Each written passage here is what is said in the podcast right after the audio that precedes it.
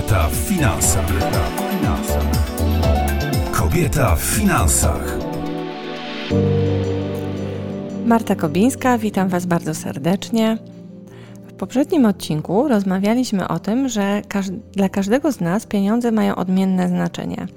I o tym, jak na podstawie gry w Monopoly możemy odkryć nasz prawdziwy stosunek do pieniędzy. A dzisiaj porozmawiamy o tym, dlaczego ciężka praca nie gwarantuje nam dużej ilości pieniędzy. Marta Kobińska, dyrektor finansowa Międzynarodowego Holdingu, mentorka kobiet w zakresie budowania osobistej strategii finansowej. Na pewno zdarzyło Ci się słyszeć, że do dużych pieniędzy można dojść tylko ciężką pracą i że nie ma innej drogi. Jest w tym trochę prawdy, ale praca ponad siły nie zawsze jest jedyną drogą. Można również usłyszeć: pracuj niedużo i ciężko, ale mądrze. I w tym stwierdzeniu też można znaleźć trochę prawdy. Zaraz powiesz: No ale halo, jak to w końcu jest? Powinnam pracować ciężko czy mądrze?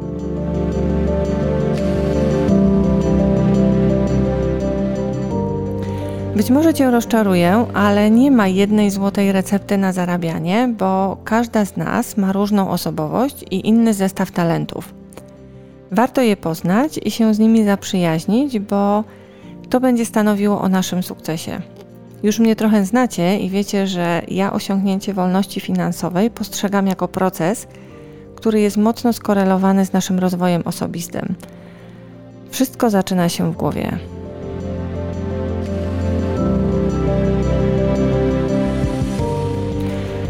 No dobra, ale wracając do naszego tematu, dlaczego ciężka praca nie zawsze przekłada się na sukces finansowy? Po pierwsze, możemy pracować ciężko, ale jak nie będziemy podejmować ryzyka, to jest spora szansa, że zawsze będziemy w tym samym miejscu. I mówiąc o ryzyku, mam na myśli rozwijanie nowych kompetencji, zmianę pracy, podjęcie się nowego projektu lub czegoś, czego do tej pory nie robiłyśmy, na przykład zmiana branży. I to ryzyko wcale nie musi być bardzo duże, bo nie mówię tu o pójściu na wyścigi i postawieniu majątku na niewłaściwego konia, tylko o podjęciu się czegoś, co początkowo wywołuje w nas dyskomfort. Pomyślcie o czymś, o czym marzyłyście jako dzieci i zastanówcie się, czemu nie odważyłyście się tego zrobić. Może to być dla nas cenną wskazówką.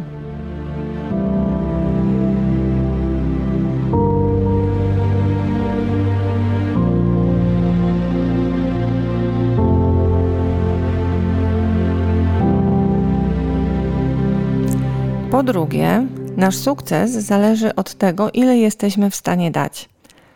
Brzmi dość brutalnie, ale żyjemy w bardzo konkurencyjnym świecie i musimy znaleźć w sobie coś, co nas wyróżnia i nie bać się tego pokazać światu.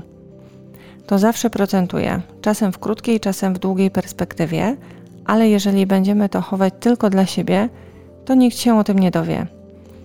Moim zdaniem, bez względu na wykonywany przez nas zawód, zawsze można znaleźć taki wyróżnik.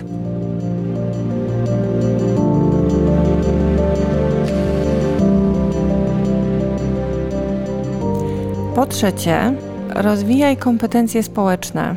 Twój sukces w dużej mierze zależy od Twoich umiejętności komunikacyjnych. Jest to bardzo ważne w kontekście nawiązywania nowych relacji, ale też w zakresie współpracy z ludźmi. Ja osobiście nowe znajomości nawiązuję niezwykle powoli, ale za to trwale. Mój ekstrawertyzm, e, nie wszyscy o tym wiedzą, ale jest wyuczony, bo w głębi duszy mam naturę introwertyczki. Ale od kiedy poznałam siebie i wiem, co jest moją mocną stroną, a co moją słabszą stroną, potrafię sobie z tym całkiem nieźle radzić. Umiejętność komunikacji pamiętajcie, że można rozwijać i do tego oczywiście Was zachęcam.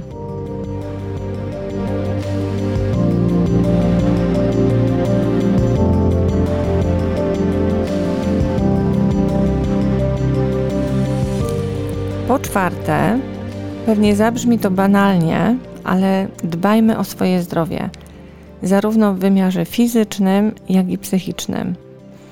Obecnie, jak wiecie, y, czasy są trudne, nieprzewidywalne i żyjemy w ciągłym stresie. Higiena psychiczna jest bardzo ważna, a mam wrażenie, że w dalszym ciągu skorzystanie z profesjonalnej pomocy wydaje nam się słabością. Dla mnie to oznaka siły i odpowiedzialności.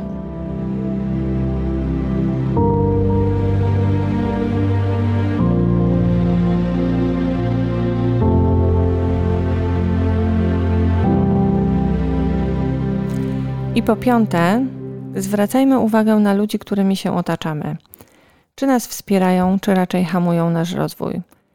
Sukcesu nie osiąga się w pojedynkę. To zawsze jest praca zespołowa i nasze najbliższe towarzystwo ma bardzo duży wpływ na to, czy będziemy ciągle stać w miejscu, czy pójdziemy do przodu.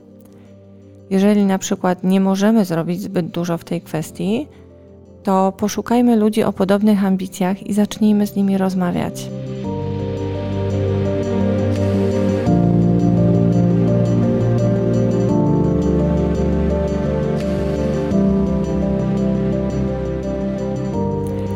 Te wszystkie pięć rzeczy, które właśnie wymieniłam, należy wziąć pod uwagę, jeżeli mamy wrażenie, że pracujemy bardzo ciężko, a efektów finansowych nie widać. Zastanów się proszę, co możesz zrobić już dziś, żeby zmienić swoją sytuację finansową i nie pracować jednocześnie i ciężko, i nieefektywnie. Pamiętaj też, że łatwiej dotrzeć do celu, który jest określony. Zapraszam Was serdecznie na kolejny podcast. Marta Kobińska, do usłyszenia. Jak zbudować dojrzałą relację z pieniędzmi? Osobowość finansowa w pięciu krokach. Przeczytaj e-book autorstwa Marty Kobińskiej. Piasek w butach.pl Piasek w butach.pl